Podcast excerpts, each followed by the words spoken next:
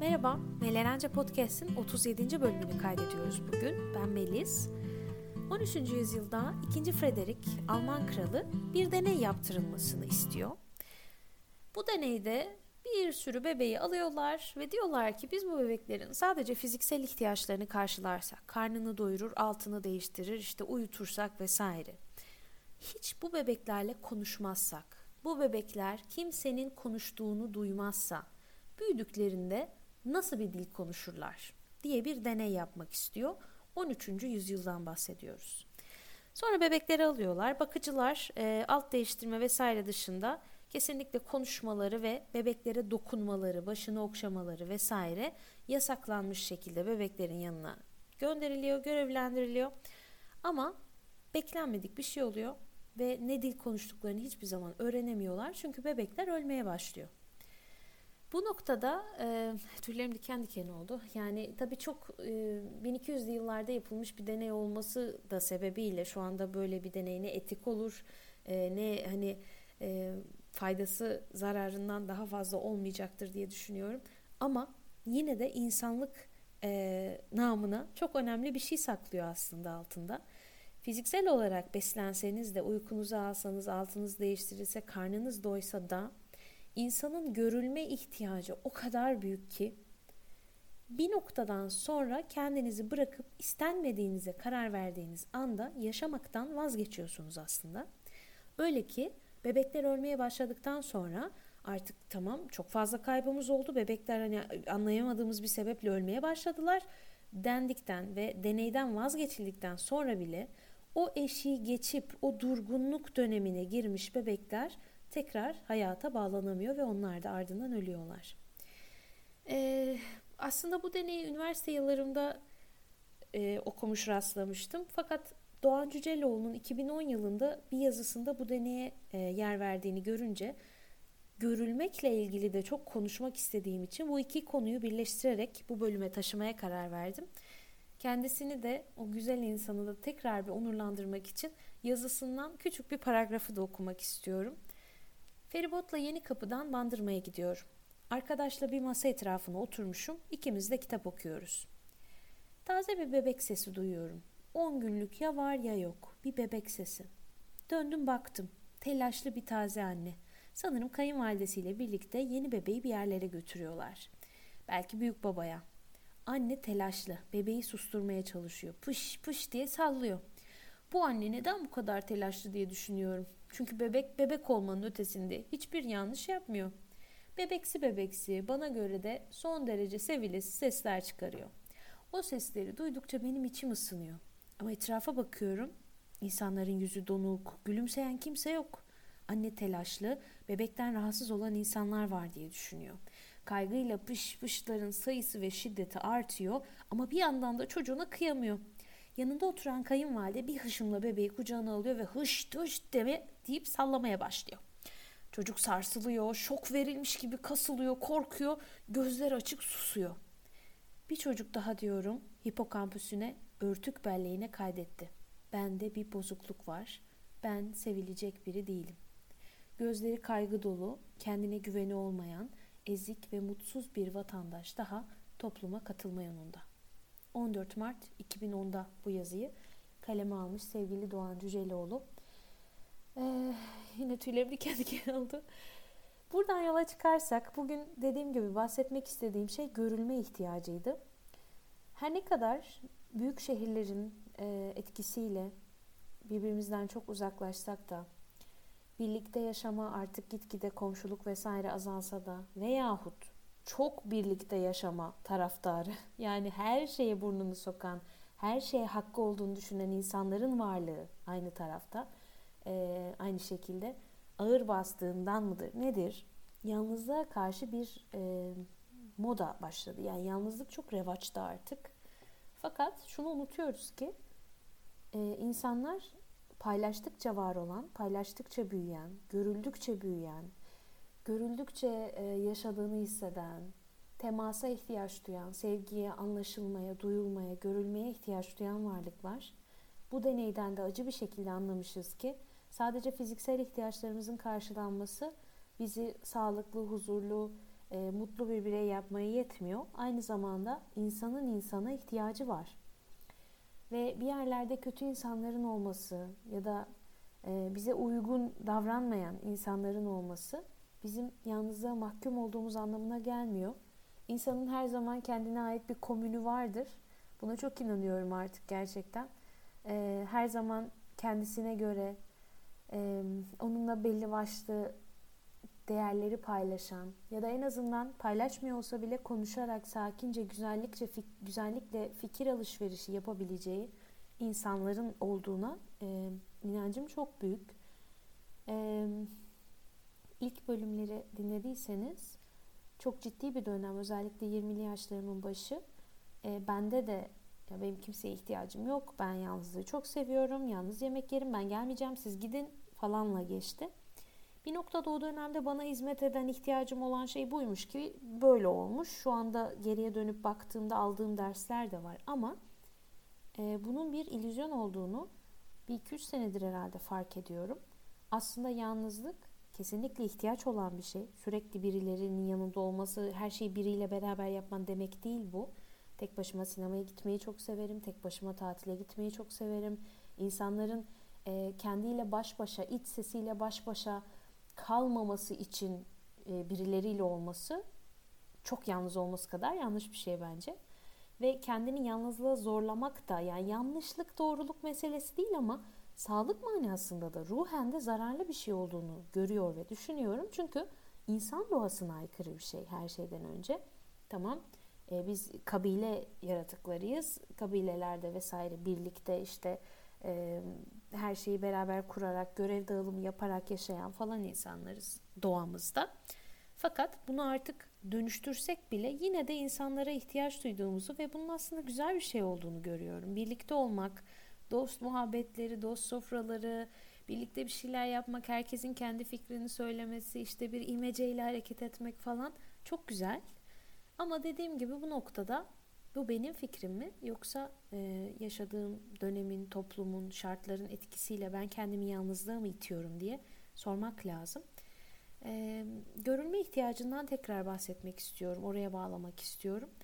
Açıkçası burada e, çok net bir şekilde bize hatırlatıyor ki bu deney, insanlar çocukluklarında bilhassa e, yetişkin bir insana belki çok mantıklı gelmeyecek. Onun aklıyla, kafası, tecrübesiyle çok da hatırlamayacağı ve anlamayacağı bir şekilde çok görülme ihtiyacına aç oluyor çocuklar. Buna biz de dahil.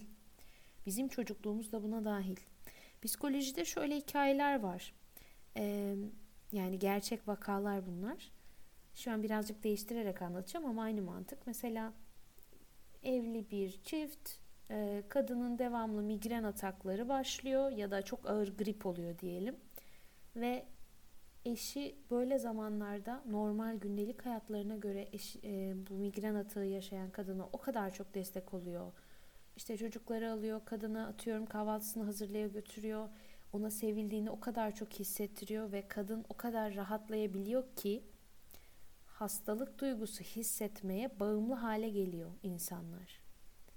Ve hatta şöyle şeyler de çok görülüyor e, psikiyatri vakalarında okuduğum ve izlediğim kadarıyla. Misal kadın çok büyük ihtimalle bunun farkında değil. Migren atağının ya da bir hastalığın bu yanını desteklediğinin ve gidiyor atıyorum migreni tedavi ettiriyor. Tak diye geçiyor diyelim. Onun yerine kadının bu duygusal boşluğunu dolduracak başka bir şey bir terapiyle vesaire işte psikiyatri uzmanıyla konmadığı için insanlar çıldırıyorlar ve anlayamıyorlar bana ne oluyor diye. Anlatabildim mi? Biraz karışık anlattım ama yani e, daha önceki bir bölümde de bahsetmiştim.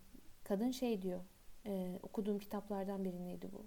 Kocam beni dövüyor ama olsun dövsün. Kocam beni dövdüğünde ben var olduğumu hissediyorum. Bir işe yaradığımı hissediyorum yani ben varım ki beni dövebiliyor. Bu şekilde ben görüldüğümü hissediyorum diyordu. Birçok insan bu tarz şeyleri farkında olmadan yapıyor. Hepimiz yapıyoruz.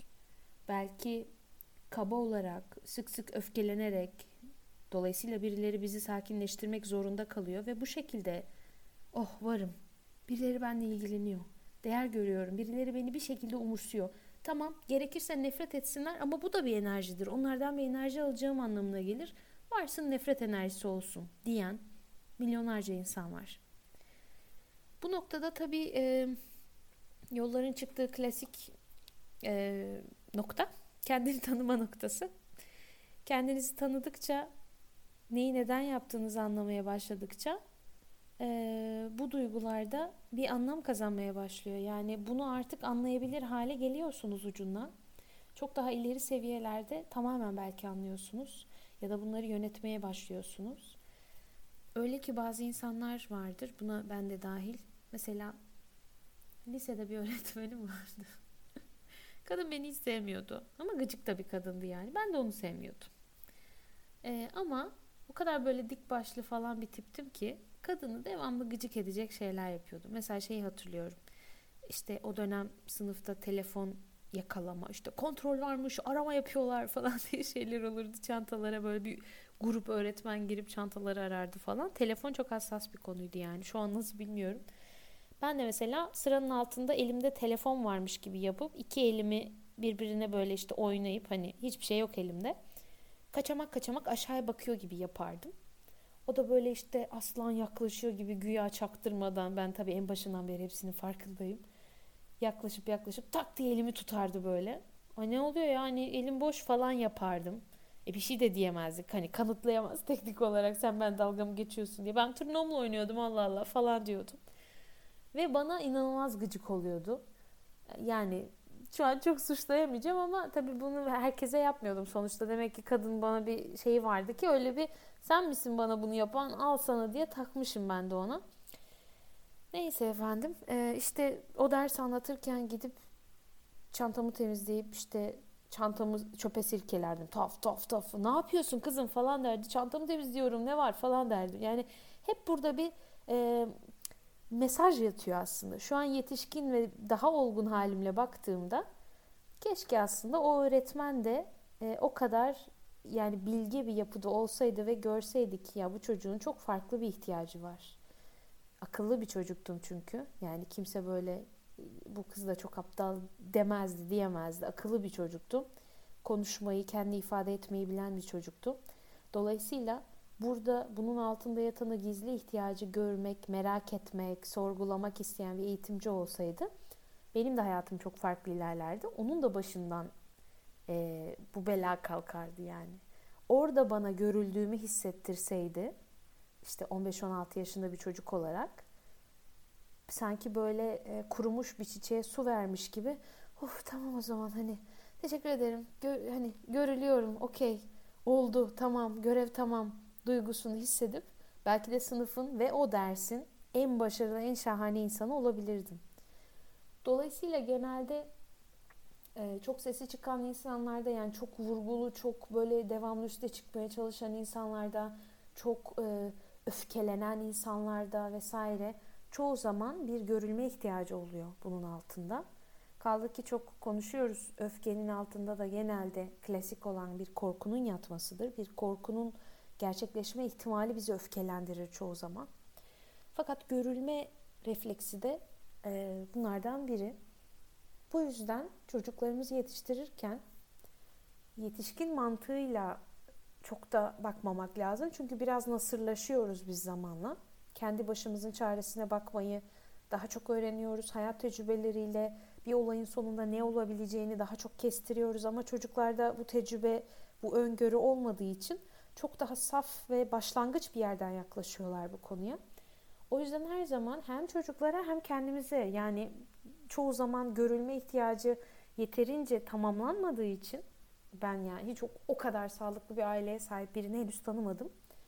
E, bu şey yetişkinliğimizde de devam ediyor ve aslında çocukluğumuzda görülemediğimiz şeyler için hala çabalıyoruz yetişkin halimizde. Ve bunu dediğim gibi tırnak içinde sağlıksız yollarla da yapmaya çalışabiliyoruz farkında olmadan. Karşımızdaki insan da diyor ki ya deli midir nedir bu nasıl bir hareket şimdi ne gerek vardı böyle yapmaya diyor. Fakat aslında çok farklı bir yarayı sarma arzusundayız biz o sırada kendimiz bile fark etmeden. Aslında düşündüğünüz zaman sosyal medyanın da özellikle de bir e, görsel yoğunlukta bir platform olduğu için Instagram'ın mantığı da tamamen görülme üzerine kuruluyor. Yani göstermek, gösteriş dediğimiz şey yine görülmekle alakalı. Gör beni. Görüleyim. Ne yaptığımı gör, takdir et, beğen. Yoksa birçoğumuz bir fotoğraf yeterince like almadığında büyük ihtimalle onu silmezdik. Çünkü az like alması demek görülmedim ya da görüldüm ama takdir edilmedim, beğenilmedim demek. Dolayısıyla o yaralanabilirliğimizi çok tetikleyen bir şey. Kendini yeterince tanımamış e, ve içinde tamam olmamış insanlar için ki bu herhalde bir yüzde doksanımız olabilir. Dolayısıyla bunları fark etmek neyi neden yaptığımızı anlamamıza da yardım ediyor. Yani e, görülmüş olmak insanı motive ediyor, katkı sağlama konusunda motive ediyor, e, iyi bir şeyler, faydalı bir şeyler yapma konusunda motive ediyor. İnsanın doğasında görülme arzusu var.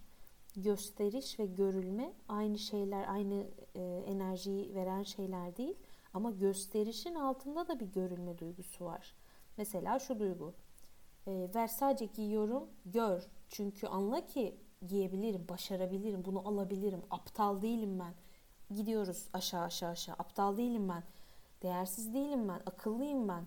Kıymetliyim ben. İşte e, buna değerim ben vesaire diye merdiven gibi aşağıya aşağı aşağı diye giden duyguların bir dağ gibi yükselmiş en sonundaki hali Versace. Yani birçok insan için diyorum. Ama çoğu zaman böyle bir ya sonuçta şimdi bir Versace aldığınız bir şeyin üstünde şapadanak Versace yazmasa onu giyer misiniz desem bunu giyen insanların %85'i hayır der büyük ihtimal. Ya görünsün istiyorlar. Göründüğünde ne oluyor? Bu pahalı bir şey. Geri geri gidelim şimdi. Bu pahalı bir şey. Demek ki desinler ki hmm, bu onu alabiliyor. Alabiliyor. Demek ki zengin. Zengin olmuş. Demek ki işte akıllı ya da e, bu kadar vizyonu olan biri ki zengin olabilmiş diyelim. Akıllı demek demek ki değer görebilir biri. Büyük ihtimalle ailesi onu sevmiş, iyi eğitim almış vesaire. Geri gidelim. O değerli birisi. Geri gidelim. O güvende. Bir misal misal misal misal. Herkesin hikayesinde bunlar değişebilir ama örnek olarak sohbetini yapıyoruz. Bu tarz merdivenlere dayanıyor. Aslında temelde görülme isteği. Her şey bir görülme isteği. Hiç kimse yaptığınız hiçbir şeyi görmeyecek, takdir etmeyecek, haberi olmayacak olsa kaçımız yaptıklarımızın kaçını aynı tutkuyla ya da hiç fark etmez tutkulu ya da tutkusuz yapmaya devam ederdik. Bence e, cevap açık ama bunda bir hani bunun bir ayıbı olduğunu düşünmüyorum. Bu insanın doğası. Biz iletişimde kalmak için, biz birlikte yaşamak için, sohbet muhabbet etmek, yardımlaşmak için, topluluklar yaratmak için e, yaratılmış varlıklarız. Dolayısıyla dediğim gibi bunda bir yanlışlık sıkıntı görmüyorum. Tam aksi bu fark edilir ve kabul edilirse kendi yaptığınız davranışları da çok kolay anlamlandırmaya başlıyorsunuz. Velhasıl aslında bu bölümün asıl mesajı lütfen her gün en az bir kişinin görülme sebebi olun. Birçok insan görülmediği düşüncesi yüzünden hayatlarına son vermeyi seçiyor farklı farklı nedenler söylense de aslında çok zor durumlarda insanlar görüldüğünü düşünse ya da biri ona dese ki ya ben seni görüyorum. Şu an ne yaşadığını ben görüyorum. Bu odada kimse görmüyor ama ben görüyorum dese belki sadece bu düşünceyle bile e, insanın hayatı değişebilir ya da hayatı kurtulabilir. O yüzden lütfen her gün en az bir kişinin görülme sebebi olun. Mesela deyin ki bunun için ne kadar çok çalıştığını hayal edebiliyorum. Seni görüyorum. Ee, bu durum seni üzmüş olabilir. Bunu görüyorum. Beni üzerdi. Seni de üzmüş olabilir. Gözlerindeki hüznü görüyorum belki. Yani yakınlığınıza göre değişir. Ama ben seni görüyorum. Ben senin hissettiğin şeyi görüyorum. Yaşadığın tecrübenin seni zorladığını görüyorum. Yeni bebeğin olmuş. Bunun kafa karışıklığına sebep olabileceğini görüyorum.'' Bu normal. Yaşadığın şeyi farkındayım. Bu duygular insanın ömrünü, hayatını, hayata bakışını değiştirebilecek şeyler. Ee, ve bu noktada şunu hayal ederseniz bazen öyle anlar olur ki böyle donuk bir yüzle sokakta yürürsünüz ve şunu hayal edin. Biri sizi gördü, belki saat sordu vesaire falan. Sonra işte tak diye şey dedi. Ya nasılsınız? Yani içinizde nasılsınız? Yorgun musunuz? Çok mu çabalıyorsunuz? Biriyle tartıştınız mı? Gerçekten çok bilmek istiyorum. Bugün nasılsın? Birçok insanı hüngür hüngür ağlatabilecek bir şey bu. Belki birçoğunuz yaşamıştır bile. Bu size bir mesaj olarak hani gelse telefonunuza yazılsa bile böyle tüylerinizi diken diken eden bir mesaj oluyor çoğu zaman. Böyle hakiki bir nasılsın.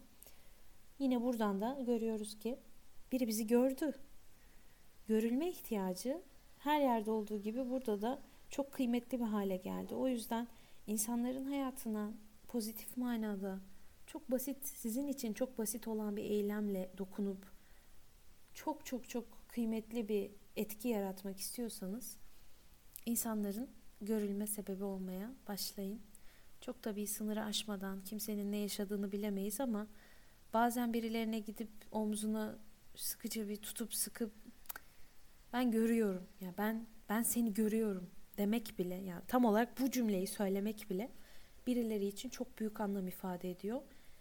Bence hepimizin neye inandığımızdan, ne yaptığımızdan bağımsız şekilde hepimizin böyle hani aynı geminin yolcuları olduğumuzu fark ettikçe kimi bizi gıcık edebilir, bize göre çok yanlış şeyler yapabilir, sevmediğimiz birilerine oy verebilir falan neyse.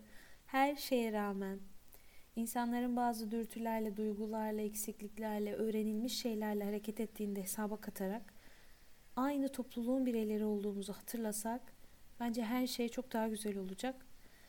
Ee, buna da görülmeyle, görmeyle başlayabiliriz diye düşünüyorum. Teşekkür ederim dinlediğiniz için. İyi ki varsınız.